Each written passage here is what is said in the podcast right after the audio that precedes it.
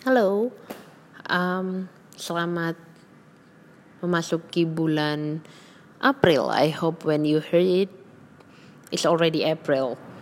Uh, karena sekarang aku rekaman akhir Maret dan mungkin baru diupload atau mungkin baru didengar sekitar awal April. So selamat masuk bulan April, bulan keempat di 2019. How's your resolution so far? Kalau buat aku akhirnya resolusinya sudah ada yang mulai kelihatan harus diubah. Karena yang dari kemarin-kemarin di resolusiin itu ternyata nggak terlalu bisa disesuaikan. Ada ada jadi gini ada, ada salah satu resolusi yang memang aku pengen itu rutin tapi ternyata nggak bisa rutin. Jadi aku sesuaikan supaya seenggaknya berapa bulan sekali. Kalau pengen tahu resolusinya apa bisa heading to my blog. Uh, akhir 2018 lalu aku udah pernah nulis resolusi 2019 itu jadi satu set bagian dari 30 hari menulis yang dibikin sama blogger perempuan. Oke, cukup uh, prakatanya. Nah, hari ini kali ini aku pengen ngobrol soal kalau kemarin udah pernah ngobrol soal apa obrolan obrolan tentang sebelum merit uh, obrolan uh, kemarin tuh obrolan persiapan persiapan sebelum merit gitu jadi kayak obrolan serius sama pasangan sebelum akhirnya merit things you you should consider before married about lebih banyak tentang uh, pribadi di masing-masing sih waktu itu. Nah kalau sekarang aku mau bahas tentang kalau misalnya akhirnya kemarin sudah fix, kemarin sudah mendapatkan jawaban-jawaban dari ngobrol-ngobrol sama pasangan itu financial talk ya kemarin tuh ya financial talk. Terus uh, sekarang kalau misalnya udah oke okay, udah siap untuk melangkah lebih lanjut sekarang ngobrolin tentang meritnya. Oke okay, aku um, I used to bring my little notebook but now I don't. Tapi poin-poinnya adalah gini aku bagi berdasarkan um, tiga steps lah ya before before um, things to consider benar-benar pas um, akhirnya memutuskan menikah. Terus yang kedua adalah persiapan pernikahannya, yang ketiga adalah hari hanya sampai selesai. Kalau mau info lebih lengkapnya tentang details, biasanya mau pengen tahu soal vendor, soal uh, pilihan-pilihan vendorku ataupun uh, opsi-opsinya apa aja yang perlu dikonsider mungkin lengkapnya detailnya bisa heading to my blog lagi di postingan yang dari uh, indukannya wedding. Itu semua ada. Kalau nggak salah aku ada lima lima part gitu. Aku bahas tentang weddingku.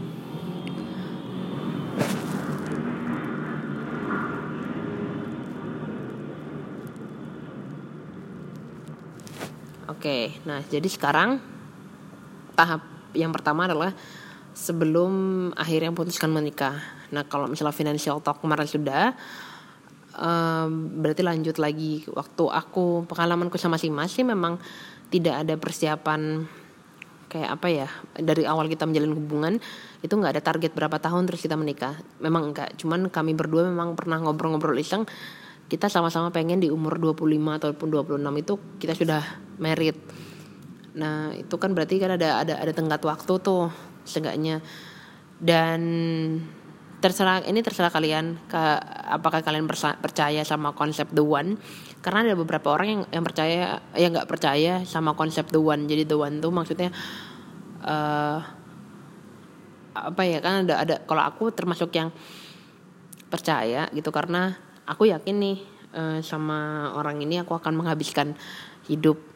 He's really the one gitu. Itu aku aku termasuk yang meyakini itu tapi ada orang yang percaya bahwa enggak sih gitu enggak enggak harus duan gitu. Karena siapa tahu memang nanti di ke depannya ada hal-hal terjadi apa dan akhirnya itu um, menggugurkan konsep tuan itu terserah sama halnya itu open discussion sama halnya kayak aku uh, ngobrolin soal merit ini.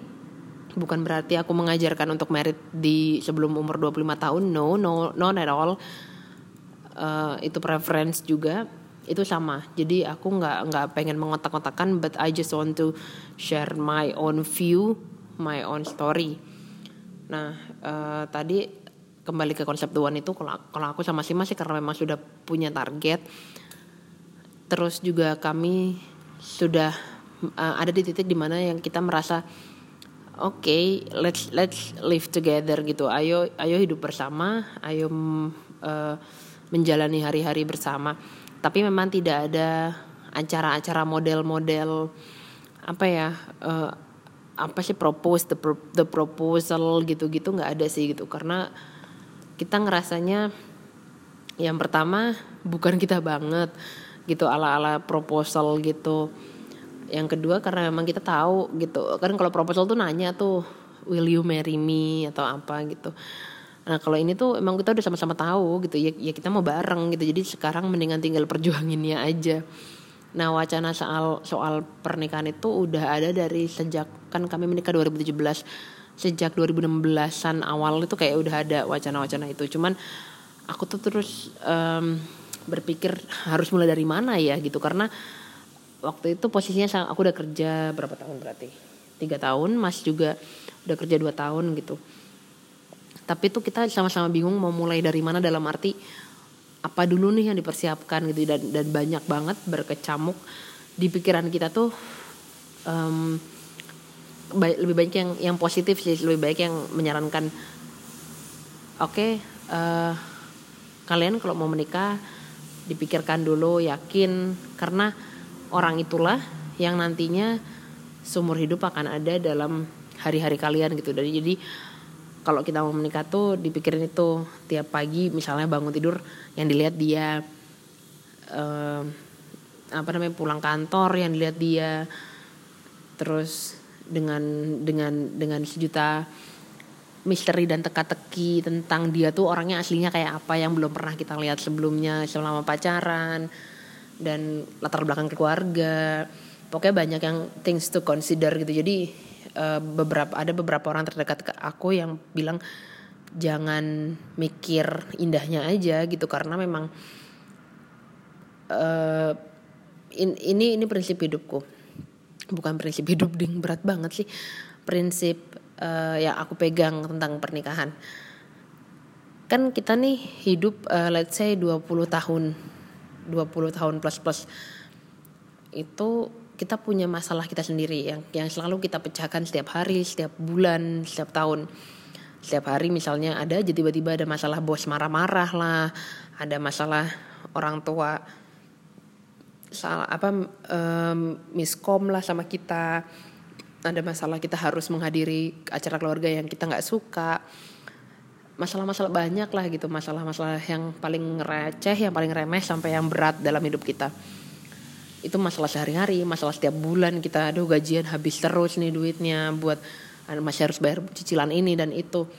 Itu masalah juga masalah per tahun. Aduh gue nggak pernah bisa turun berat badannya resolusi gue turun berat badannya tapi gue nggak pernah turun.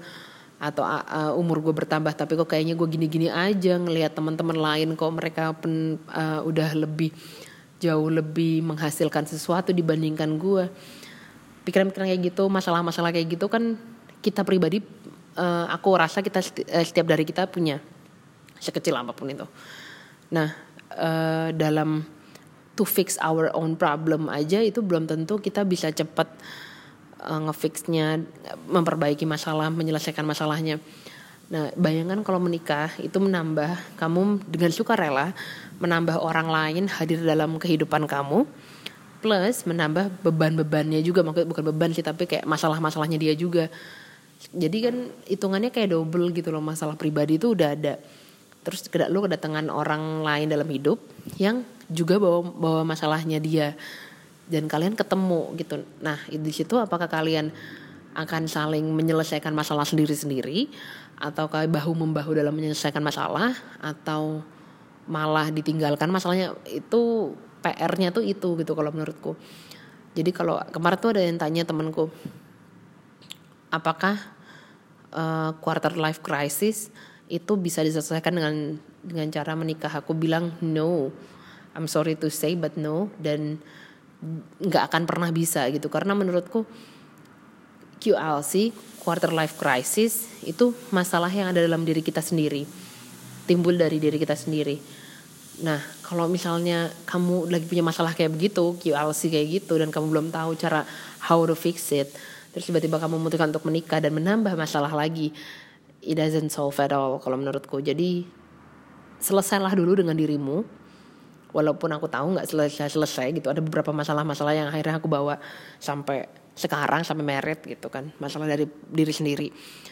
Cuman kalau misalnya merasa aku masih bisa lebih produktif dari ini, aku masih bisa lebih menghasilkan dari ini, aku masih pengen traveling ke mana-mana, aku masih pengen punya usaha dulu.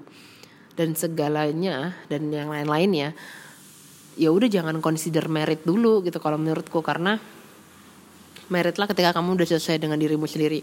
Ada yang bilang kayak begitu buat aku yes but not really gitu. Jadi selesai dalam artian apa dulu nih gitu. Kalau misalnya selesai dengan resolusi-resolusi pribadi yang hanya bisa diselesaikan sebelum merit seperti yang bisa dikatakan solo traveling atau um, traveling dengan dan menjalin pertemanan dengan siapa aja gitu. Yang yang kalian lakukannya itu idealnya dilakukan pada saat kalian sendiri single. Ya lakukanlah gitu selesaikanlah itu dulu gitu tanpa harus memikirkan udah umur berapa dan sebagainya. Tapi kalau misalnya produktif lah dulu lah gitu ibaratnya. Tapi kalau misalnya udah selesai kalian merasa oke okay, I'm ready to settle ya udah settle gitu dan uh, in my case dulu adalah uh, ada beberapa beberapa hal yang aku udah bisa settlekan, ada yang settlekan sendiri dan ada yang belum. Tapi aku merasa yang belum ini aku butuh partner dalam menyelesaikan ini. Jadi kayak naik kapal gitulah. Ketika ada yang udah ada ada beberapa yang sudah selesai, yang sudah bisa di udah masalah-masalah yang bisa diselesaikan sendiri. Tujuan-tujuan yang sudah dilampaui saat kita naik kapal itu.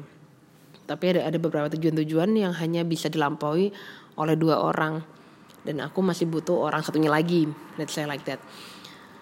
Terus um, ngobrol-ngobrol lah dan sebagainya mau kita cerita-cerita sama si Mas dan kita mencapai satu titik di mana kita merasa oke okay, let's settle.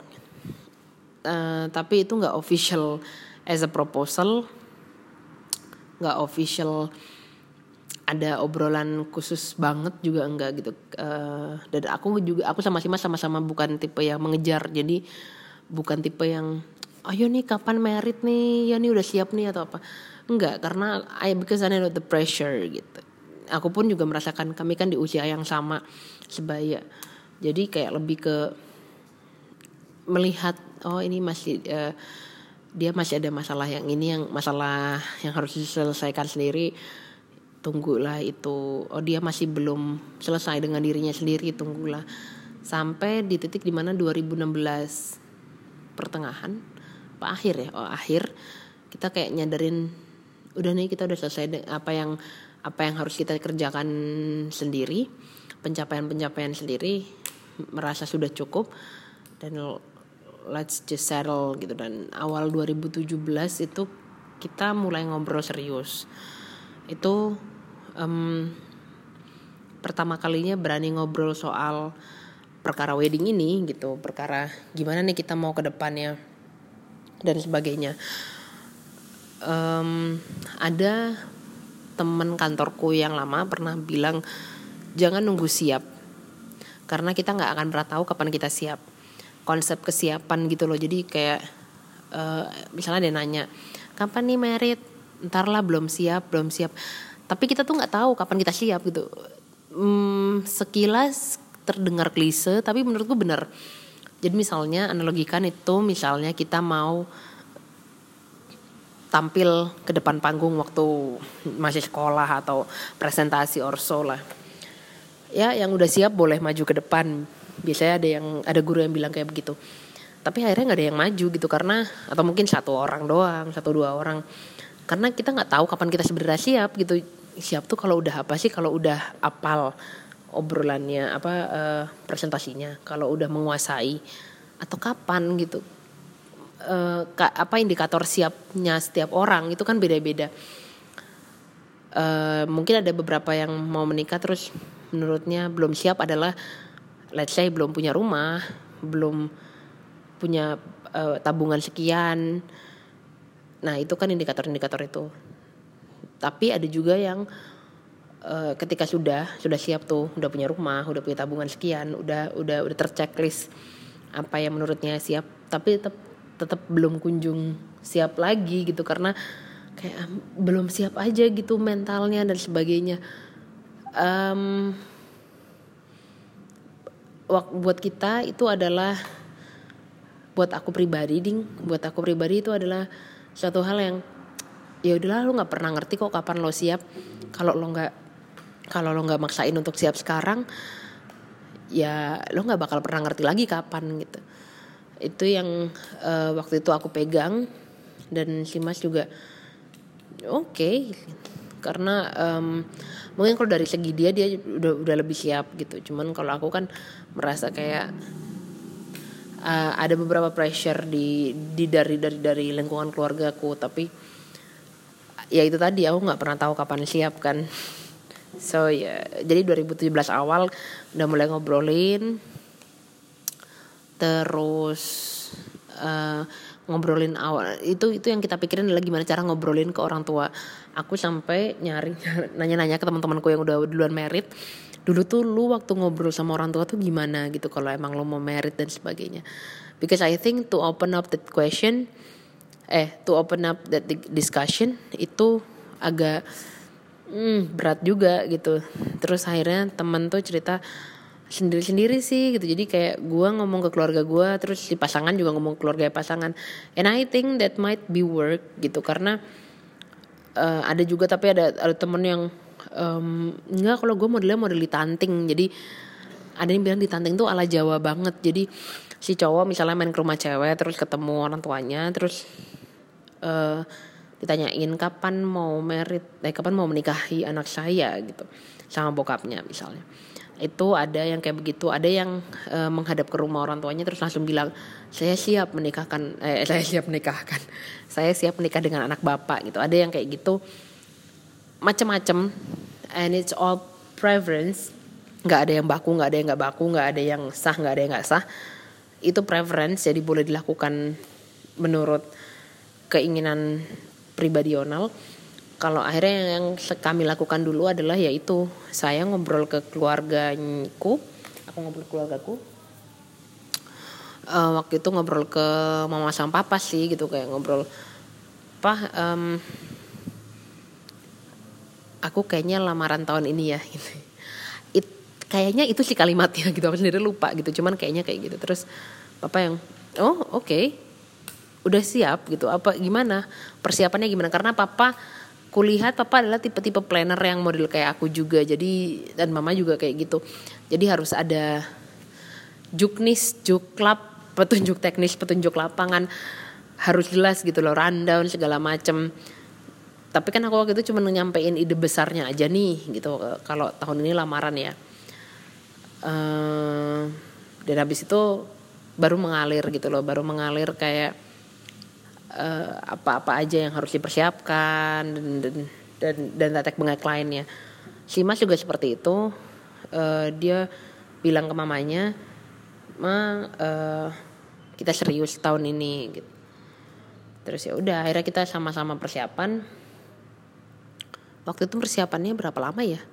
Nggak lama kok kayaknya dari bulan Maret 2017 sampai kita akhirnya lamaran itu Jun, Juli 2017 Maret, April, Mei, Juni, Juli.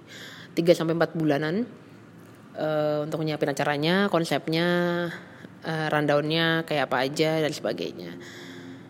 Nggak kerasa, um, tapi berat itu karena kita antara yang aduh yakin nggak nih gitu karena konsep uh, nyamain konsepnya itu lumayan lama jadi konsep lamaran kalau di keluarganya si Mas itu adalah lamaran habis itu langsung akad nikah yang yang cepat kayak gitu.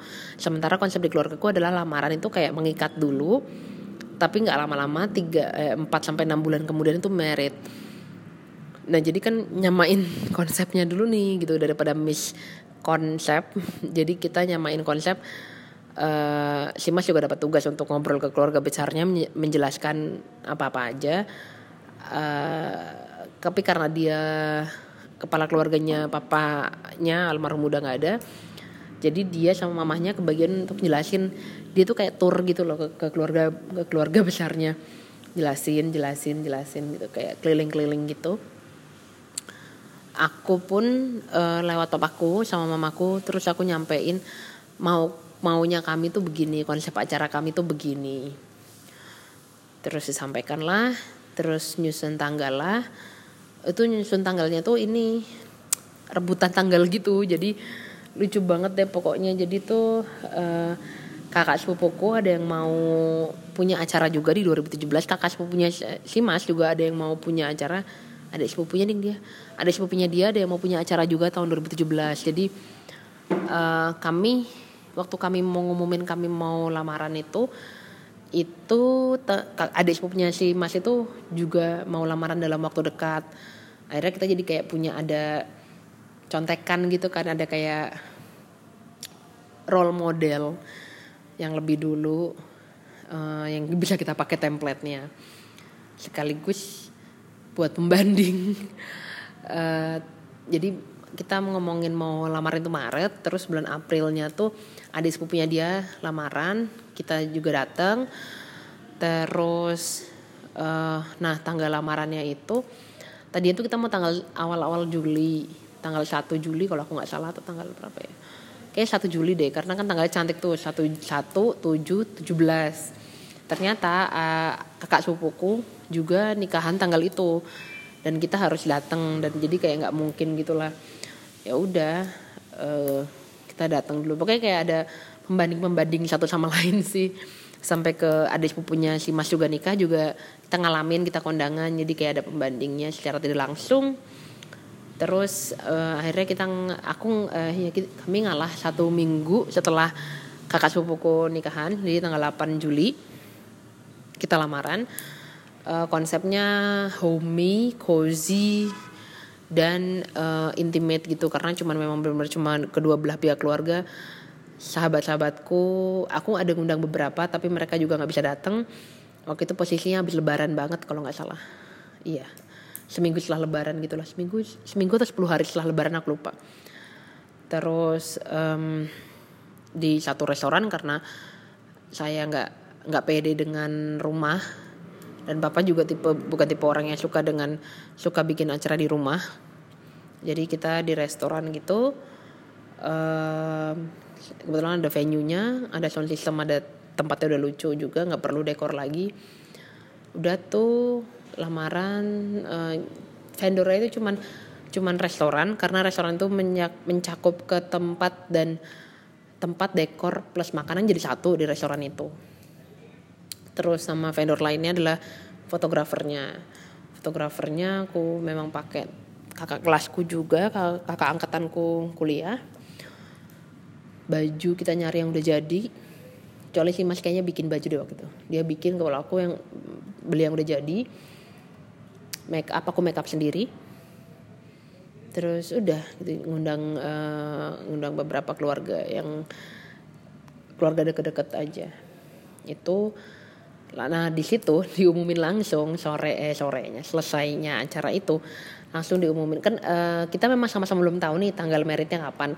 Tapi aku pribadi sama si Mas tuh pengennya tuh setahun lagi. Jadi kayak Juli nanti ya uh, meritnya tuh sekitar Mei atau Juni Juli tahun 2018 pengennya tuh gitu. Ternyata kan karena kalau menurut keluargaku itu terlalu jauh. Jadi kayak kalau udah diikat tuh jangan terlalu jauh gitu. Terus akhirnya diputuskanlah akhir tahun 2017. Jadi tanggal 26 Desember 2017 itu kita hmm, keringat dingin mendadak sih gitu. Karena dari bulan Juli ke, ke, ke bulan Desember itu kan berarti September, Oktober, November, Desember lima bulan kita nyiapin lamaran aja tuh udah empat bulan kita disuruh nyiapin wedding lima bulan gitu. Kayak bisa nggak ya bisa nggak ya bisa nggak ya? Deg-degan karena tabungan karena waktu karena aduh karena banyak banget. Tapi ya udah gitu kan. Ya waktu itu worst case-nya adalah kita memang eh, sama-sama bilang ya udah kalau memang kita harus merit uh, di KUA dulu untuk nanti celebrationsnya after nggak masalah gitu. Itu that's the worst case. Tapi alhamdulillah akhirnya kita bisa make it all in one day.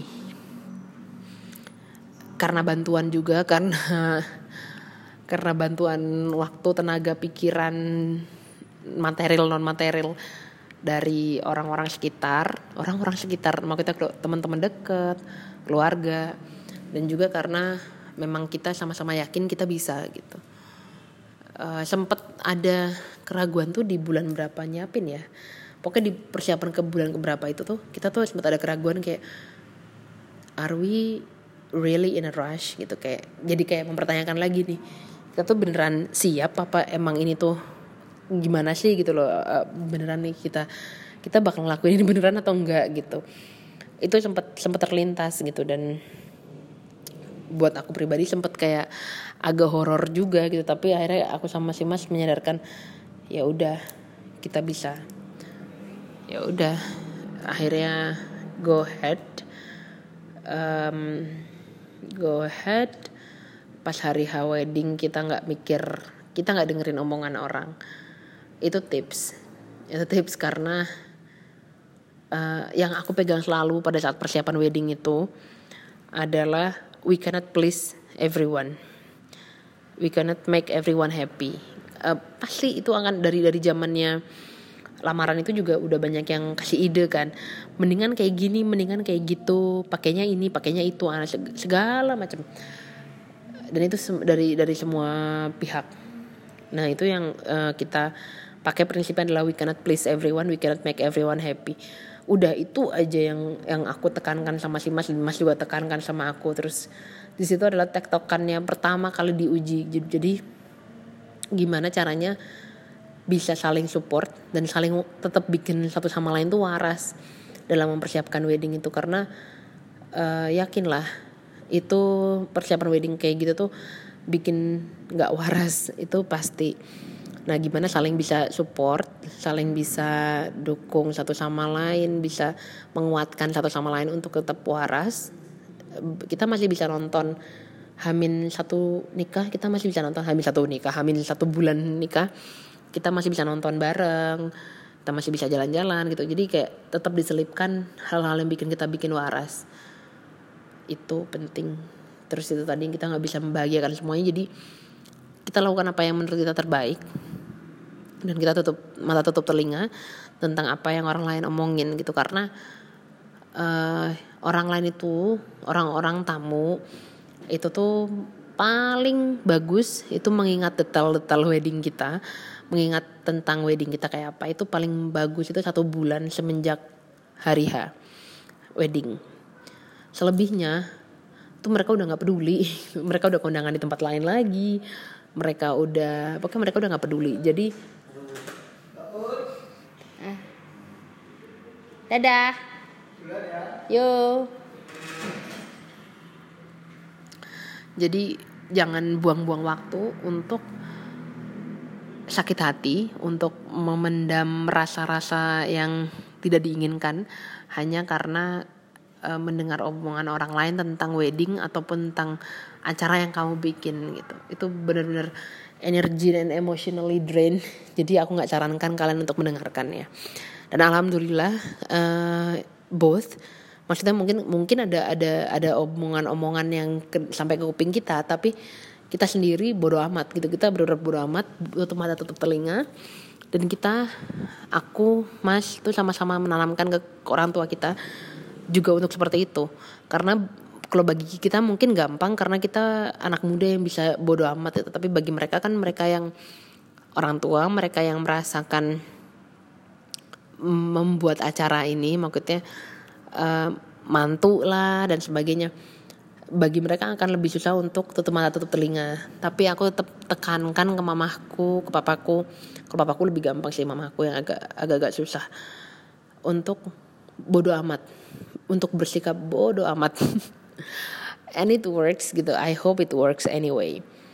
Uh, jadi selesai acara udah bodoh amat udah udah yang udah nggak ada nggak ada yang eh kemarin gini kemarin gitu.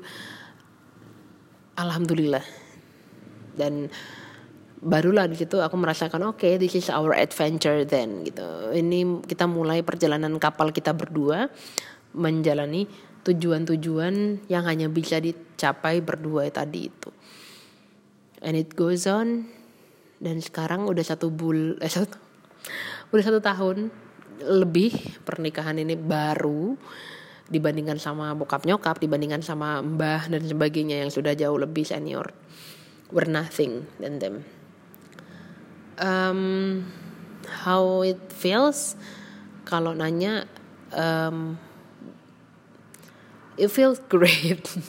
No no not not as great as what what you mean maybe great gitu. Um, maksudnya gini. I I think I've made I've I've made a right decision to marry in that age to marrying a right person gitu. Jadi um, karena aku merasa apa ya ketakutan-ketakutan yang kayak dulu aku takutnya gini nanti kalau misalnya merit nggak boleh jalan malam nggak boleh gaul sama teman-teman nggak boleh um, oke kayak kayak kayak kebebasan dari to be freedom to be to being alone for your me time itu berkurang. Banyak pengeluaran-pengeluaran kayak gitu-gitu. Itu ketakutan aku sebelum merit. Ternyata uh, setelah dijalanin kayak begini nggak segitunya juga kok. Nggak segitunya seriusan. Aku masih boleh jalan sama ya jelas masih boleh jalan sama teman-temanku. Uh, kemarin-kemarin bahkan teman-temanku ada yang ada yang aku jalan sampai malam-malam and it was fine for him aku bisa ikut acara-acara workshop um, yang sam yang yang dia nggak ikut dan aku ikut sendiri. Dan aku pergi-pergi ke mana-mana sendiri dan I still can do the work office work. Terus aku masih dibebaskan untuk um, melakukan apa yang aku suka. Karena memang tidak di, tidak ada yang membatasi gitu. Maksudnya gini iya memang kita uh, aku sebagai istri let's say punya tanggung jawab terhadap suami betul. Tapi juga kita masih bisa komunikasikan semuanya. Jadi misalnya aku masih pengen aku pengen ikutan seminar nih boleh nggak ya? Aku pasti nanya boleh nggak aku ikutan seminar ini? Dan uh, si mas juga pasti oh iya seminar apa? Di mana? Bayar berapa? Uh, do do that have a benefit for you kalau misalnya bagus dan positif positif aja dia juga pasti oh ya udah berangkat nanti tak anterin ntar tak jemput gitu. Atau misalnya oh, oh kamu per pergi sendiri ya udah nggak apa-apa hati-hati. Things like that. Uh, I still respect him as my husband and he still respect me as a woman as a modern woman I can say. Um, dan kebebasan itu juga yang vice versa misalnya dia mau main seharian ke bengkel juga and I'm fine with that. Asalkan nggak lupa rumah aja gitu kan ibaratnya. Dan it has been an adventurous life semenjak uh, married dan ketakutan misalnya pengeluaran banyak. Iya pengeluarannya banyak memang tapi uh, hal unik adalah yang aku temukan after married memang ya uh, ada yang bilang married itu membuka rezeki niche eh niche. Klise. Tapi bener. Jadi kadang tuh kalau mungkin karena kekuatan doanya nambah kali ya. Kadang tuh kalau misalnya lagi lagi ada pengeluaran berlebih gitu terus kan berdoa ya pasti kan berdoa satu sama lain. Saling mendoakan dan sebagainya. Terus tiba-tiba juga ada rejeki-rejeki berlebih yang nambah lagi gitu dan itu membahagiakan sekali gitu kayak yang ih amazing ya gitu. Kan kita udah mikir kalau dari hitung-hitungan nih ya pakai logika hitung-hitungan nih pengeluarannya udah kita udah nggak udah nggak ada pegangan harusnya. Misalnya udah nggak ada pegangan atau kita udah nggak bisa nih untuk kayak gini tapi kok ada ya? Rezeki itu udah macam-macam bentuknya macam-macam dari mulai yang memang uh, cash gitu katakanlah tiba-tiba dapat cash dari sumber yang halal sampai yang kayak uh, banyak lah kayak benefit-benefit yang pernah tuh kita lagi nyari kado. Udah pusing tuh karena nggak ada anggaran kado bulan itu. Terus gimana ya ini gimana ngutak ngutiknya ada yang ada yang ngasih voucher yang bisa dipakai buat kado juga ke orang itu. Terus jadi kayak yang iya ya bisa kepake juga gitu. Ajaib deh pokoknya. Uh, dan ini juga pasti aku yakin ini juga sama halnya dengan rezekinya anak gitu kan ibaratnya punya anak punya rejeki itu bukan berarti punya anak terus uh, gajinya jadi bertambah dua kali lipat ya. Kalau iya alhamdulillah. Kalaupun misalnya enggak juga aku yakin maksudnya rejeki yang dimaksud adalah rejeki dalam bentuk lain. And have to have kid is also a blessing. So that's all I can wrap up my story about engagement and wedding. Diambil yang positif positifnya aja didengerin aja cerita ceritanya kalaupun memang menurut kalian nggak ada faedahnya didengerin aja ceritanya. Um, and feel free to discuss with me kalau memang ada pertanyaan. Tapi kalau misalnya tanya-tanya soal vendor dan detail wedding silahkan ke blogku. Insya Allah harusnya sih udah lengkap unless you want to ask me about the the contact person. Uh, yang mungkin aku bisa rekomendasiin ke kalian. That's all Thank you for listening my story about marriage.